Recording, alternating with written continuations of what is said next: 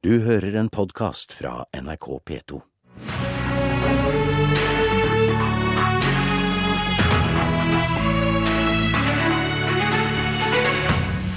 De som har mest, må også bidra mest, mener KrF, som vil avlyse regjeringa sitt kutt i formuesskatten for å få råd til å ta imot flyktningene. Regjeringa ville unngå bråket fra i fjor, og la opp til et budsjett som både KrF og Venstre kunne like. Men det var før en visste prislappen for flyktningene.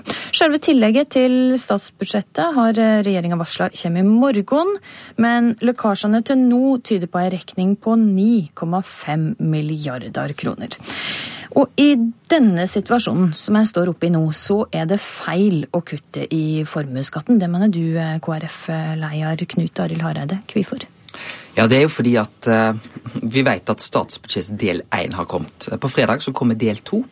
Og etter det så vil samtlige parti, både regjeringa og alle partiene på Stortinget, ha en stor utfordring foran seg. Vi må gjøre betydelige kutt eller prioriteringer. Og Da sier KrF vi sier nei til store velferdskutt. Vi mener heller da vi bør ta en mer sosial profil på skattene. Og da bør vi prioritere de skattene som har størst betydning. Det å redusere selskapsskatten, altså for bedriftene, vil ha langt større betydning. Og regjeringens egne rapporter sier at vi får åtte ganger mer igjen for de kronene vi bruker på skattekutt til selskapsskatten, enn det vi gjør på formuesbeskatningen. Så KrF støtter altså regjeringas skattekutt på selskapsskatten, Det stemmer. men går imot skattekuttet de foreslår på formuesskatten. Ja, og det er en ren prioriteringssak, men det er òg hva vi får mest igjen for. Og nå står vi altså foran en tid med økende ledighet. Da må vi bruke pengene der vi trenger det mest. En reduksjon i selskapsskatten vil gi flere arbeidsplasser. Formuesbeskatningen har vi redusert betydelig eh, i løpet av de årene som har gått. Det er ikke riktig prioritering nå. Eh, Så får vi da se da hva regjeringen gjør på fredag. Om de har noen enda bedre kuttforslag enn det vi har. Men det tror ikke jeg sånn situasjonen er nå. Og så mener du også at de som har mest, må bidra mest. Så privatpersoner må altså bidra i spleiselaget for flyktningene, slik KrF ser det. Ja, Vi er nødt til alle å bidra inn i denne situasjonen her. Og da er det mest naturlig at vi har òg en sosial profil på det.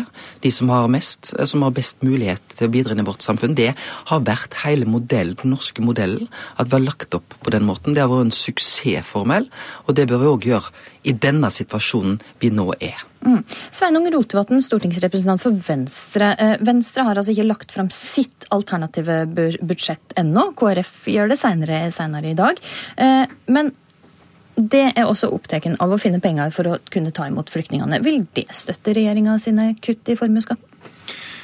Det er klart at Når vi nå skal betale for et helt nødvendig flyktningmottak, så må vi se kritisk på alle poster, også formuesskatten. Men Venstre har som mål at vi skal redusere formuesskatten videre også neste år. og Det har jo med å gjøre at vi ikke bare skal løse den utfordringa det er med å ta imot veldig mange flyktninger, men vi skal også løse den utfordringa det er med at vi har stigende arbeidsløse i Norge, at vi trenger investeringer i norske arbeidsplasser. Og Da er reduksjonen i formuesskatten en del av det, men det er klart at vi har jo tidligere, og også i år, en annen modell for hvordan vi skal redusere formuesskatten enn det regjeringa ønsker. Vi mener at den heller skal løfte opp i bunn, slik at flere slipper å betale den, i stedet for å gå på satsen. Men, men nå skjønte jeg ikke helt hva du mente. Vil det støtte regjeringa sitt forslag til kutt i formuesskatten, eller ikke? Vårt forslag til hvordan vi skal innrette formuesskatten er kommer på mandag. Men vi kommer til å foreslå å redusere formuesskatten også neste år, slik vi har lovet velgerne å gjøre. Og det har med at vi ønsker å skape flere arbeidsplasser i Norge. Og det er helt nødvendig både for de som bor her i dag, og de som kommer hit neste år. Svein Flåten, du er finanspolitisk talsperson i Høyre. Frykter du nå at skattekutta som det er lova, kan ryke under budsjettforhandlingene i Stortinget? La meg først si at uh, med oljeprisen og flyktningkrisen som bakteppe for dette budsjettet vi skal bli enige om, så må vi ikke glemme at vi også skal fremme arbeid, at vi skal fremme aktivitet og omstilling. Og da er skattelettelser helt sentralt i dette. For som begge partene her har sagt, vi må skape nye arbeidsplasser. De må noen investere i. Det er private norske eiere som må bruke privat norsk kapital å sette inn. Da mener jeg det er feil å beskatte den enda mer. Og derfor så er det riktig å redusere formuesskatten for å skape flere arbeidsplasser? Men i en krevende økonomisk situasjon, er det ikke riktig å gjøre det som fungerer best, først? Jo, Slik KrF også tar til orde for. Kutte, nei, kutte selskapsskatten, ikke formuesskatten. Men dette fungerer faktisk godt. og Det er jo også sånn at det å kutte i selskapsskatten kan være bra konkurransemessig. Men hvis bedrifter ikke lenger tjener penger, hvis det må investeres for å komme ut av en krise, så må man gå til eierne. og Derfor er også formuesskatten viktig. Vi har sett utredninger på at det er forskjell i hvordan dette virker. Men den store utredningen, den praktiske utredningen, er å gå og spørre norsk næringsliv hvordan fungerer dette. Og da sier de unisont at det å beskatte penger som skal investeres i nye arbeidsplasser, det er svært uheldig. Hvis en spør norsk næringsliv, så tror jeg selskapsskatten er det som står øverst på deres prioriteringslister. Så står òg den type satsinger som vi er enige om. Satsing på vei, infrastruktur. Eh, og jeg opplever at vi må jo gjøre reelle prioriteringer i den situasjonen vi er i nå. For spørsmålet er hvor skal vi hente de midlene fra? Og da sier jeg at da eh, sier vi, da velger vi det skattekuttet som fungerer best, og vi satser på velferd, vi satser på infrastruktur. Altså den type satsinger som er helt nødvendig i hele Norge, og ikke minst i Distrikts-Norge. Lekkasjene eh, som har kommet fram til nå, tyder på at regjeringa vil bruke vel 4 milliarder kroner av bistandspengene for å betale for eh, flyktningstrømmen. Og er dette mulig for Kristelig Folkeparti å svelge? Nå er dette lekkasje som er kommet. altså Det er ingenting som er bekrefta. Men la oss si at det kan ligge i den størrelsesorden, da. Eh, det, det, jeg kan si, er at et sånt tall er veldig dramatisk. Eh, om det skulle være kutt i den størrelsesorden, altså på, på over fire milliarder. Det er så stort tall at jeg har vanskelig for å tro at det kan stemme. Men det er jo veldig dramatisk. Og hvorfor det? Jo, fordi at vi veit at eh, For det første så har Eh, både Siv Jensen og Erna Solberg vært veldig tydelige på at vi er nødt til å hjelpe flyktningene der de er. Bistand, humanitær bistand, men òg langsiktig bistand, er jo nettopp hjelp til flyktningene der de er. Og det syns jeg er veldig bra. Eh, KrF har sagt vi både må ta imot i vårt eget land, men vi må òg hjelpe flyktningene der de er. Og hvis vi nå kutter i den bistanden, så vil jo det være starten på at enda flere flyktninger vil kunne komme til Norge. Og det vil være veldig dramatisk, både om Norge gjør det, og om andre land i Europa velger nettopp å gjøre det. Og så er da eh, bistanden eh, noe som er med på å gi resultat. Og det skulle jo være veldig spesielt om Norge skulle være det bistandslandet som får mest bistandspenger fra Norge. Eh, vi sier ofte med stolthet at vi er et av verdens beste land å bo i. Bistandspengene bør selvfølgelig gå til de som trenger det aller mest, og det er verdens fattige. Men du sier altså at eh, fire milliarder er et så høyt tall at du ikke tror at det kan stemme. Betyr det at det er uaktuelt for KrF å gå med på et slikt tall? Jeg, jeg vil ikke begynne å debattere eller forhandle på ting som er bare spekulasjoner, og som ikke er bekrefta. Men vi har jo gjort nå Vi legger fram et statsbudsjett i dag der vi både har en bedre sosial profil på skatten, der vi har et grønnere budsjett, der vi ikke har velferdskutt, og der vi ikke har reduksjoner i bistanden. Vi har altså da faktisk en økt satsing på bistand i den situasjonen verden er i nå, med den verste flyktningsituasjonen etter andre verdenskrig. Så øker vi faktisk bistandsbudsjettet. Eh, så vi har altså en, en, formel på en løsning der vi ikke trenger å kutte i bistanden. Eh, det er ikke riktig eh, med den situasjonen vi er i nå. Hva med Venstre? Fire milliarder kroner kutt i bistandsbudsjettet. Er det aktuelt for Venstre å godta? Jeg tror også vi skal avvente og se hva som skjer i morgen. Dette er lekkasjer. Men jeg er enig med Hareide i at det er veldig høyt. Og når vi legger fram vårt budsjett i Venstre, så kommer ikke vi til å eh, bruke verdens fattige som en salderingspost for å ta imot flyktninger i Norge. Og jeg er overbevist om at dette er mulig å få til uten å begynne å kutte i bistandsbudsjettet. Vi skal se kritisk på alle budsjettposter, absolutt. Eh, men vi må huske hva vi snakker om her. og det er at Regjeringa har lagt fram et forslag til budsjett neste år som er rekordstort, med rekordhøy oljepengebruk så legger opp til at vi kommer til å få Europas største offentlige sektor neste år, og det øker på så godt som alle poster. Det fins plasser å hente penger, og jeg tror ikke at den første plassen en skal se, er de aller fattigste delene av verden, og i alle fall så bør en verne trygt om den langsiktige bistanden, som er helt avgjørende. Ja, Svein Flåtten, venta venter du at den bruk av verdens fattige som salderingsposter? Jeg tror vi skal passe oss for å få den diskusjonen over på å si at det er den ene gruppen som settes opp mot den andre, enten det gjelder bistand eller det gjelder skatt eller hva det måtte gjelde. Nå får vi se hva som kommer.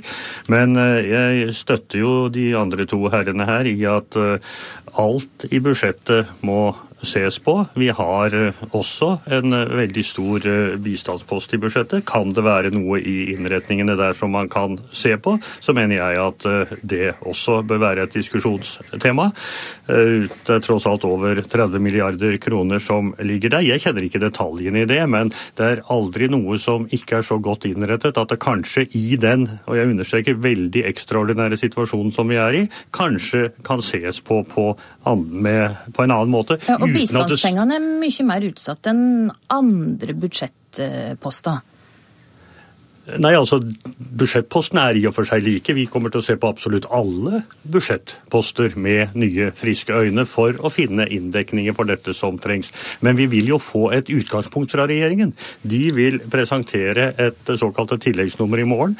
Der vil det være en inndekning for de utgiftene som vi nå ikke kjenner. Hva som tas fra det ene eller andre, vet vi ikke. Men jeg regner jo med at vi får en relativt, om ikke avslappet, så i hvert fall en fordomsfri diskusjon om hvilke poster som vil være fornuftig å endre på hvis det er nødvendig. Mm, så til en sak som har vært heftig debattert den siste tida, avkorting til eh, pensjonistene. Rotevatn, Venstre vil ikke støtte regjeringa sitt forslag om å avgrense avkortinga, eller sagt på litt enklere språk, gi gifte og samboende pensjonister litt mer i pensjon.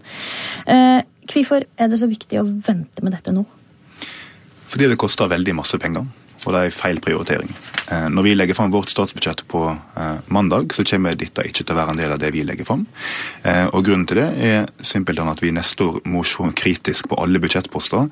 Og da tror jeg at å bruke handlingsrommet vi faktisk har, til å øke opp pensjonene til de pensjonistene som har aller høyest inntekt fra før, og laveste utgifter, det er en dårlig idé. Om en først skal gjøre noe for pensjonister, så er det mange andre smartere grep en kan ta. Men dette er nok ikke ett av dem. Vi er åpne for at dette er noe vi skal gjøre seinere. Eh, men neste ja, år så tror jeg at det er en feil prioritering. Vi har jo skrevet under på dette i samarbeidsavtala, og da er det vel eh, rimelig at regjeringa forventer at det også stemmer for det når forslaget ligger på bordet? Jo, men Det står ikke i samarbeidsavtalen at dette skal skje i 2016. Eh, og det står eh, heldigvis mye fornuftig i samarbeidsavtalen som vi alle har et mål om å gjennomføre. Eksempelvis skal gjennomføre et stort løft for fattige barn og mange andre viktige grep. Eh, men vi kan ikke gjøre alt på ett år. Og det å begynne å øke opp pensjonene til de pensjonistene som har aller mest fra før, neste år, det mener Venstre er feil prioritering. Ja, og Heller ikke Kristelig Folkeparti støtter forslaget til regjeringa her? Nei, men vi mener at vi skal starte innfasingen nå. Vi mener vi bør ta dette over to år. Gjøre halvparten av jobben i 2016 og resten i 2017. Det er fordi vi har en avtale på dette, så det som er KrFs forslag er helt i tråd med den avtalen. Men enda viktigere enn det er det jo at vi kan ikke bare ta samboende og gifte pensjonister. Vi må òg ta den gruppa som sliter mest i forhold til levekårsundersøkelser. Og det er jo de enslige minstepensjonistene. Derfor så har vi et eget forslag i vårt statsbudsjett i dag som sier òg at vi må gi den samme summen til enslige minstepensjonister. Mm. Og dette handler om rettferdighet. Okay. Og skal vi være med på forslaget, så er det veldig viktig for oss at da skal òg den gruppa av pensjonister som trenger det mest, og få 4000. Det er altså de enslige minstepensjonistene. Mm. Verken Kristelig Folkeparti eller Venstre støtta forslaget om eh, avkorting av pensjonene i dette budsjettet. Da blir det ikke noe av da, Flåtten?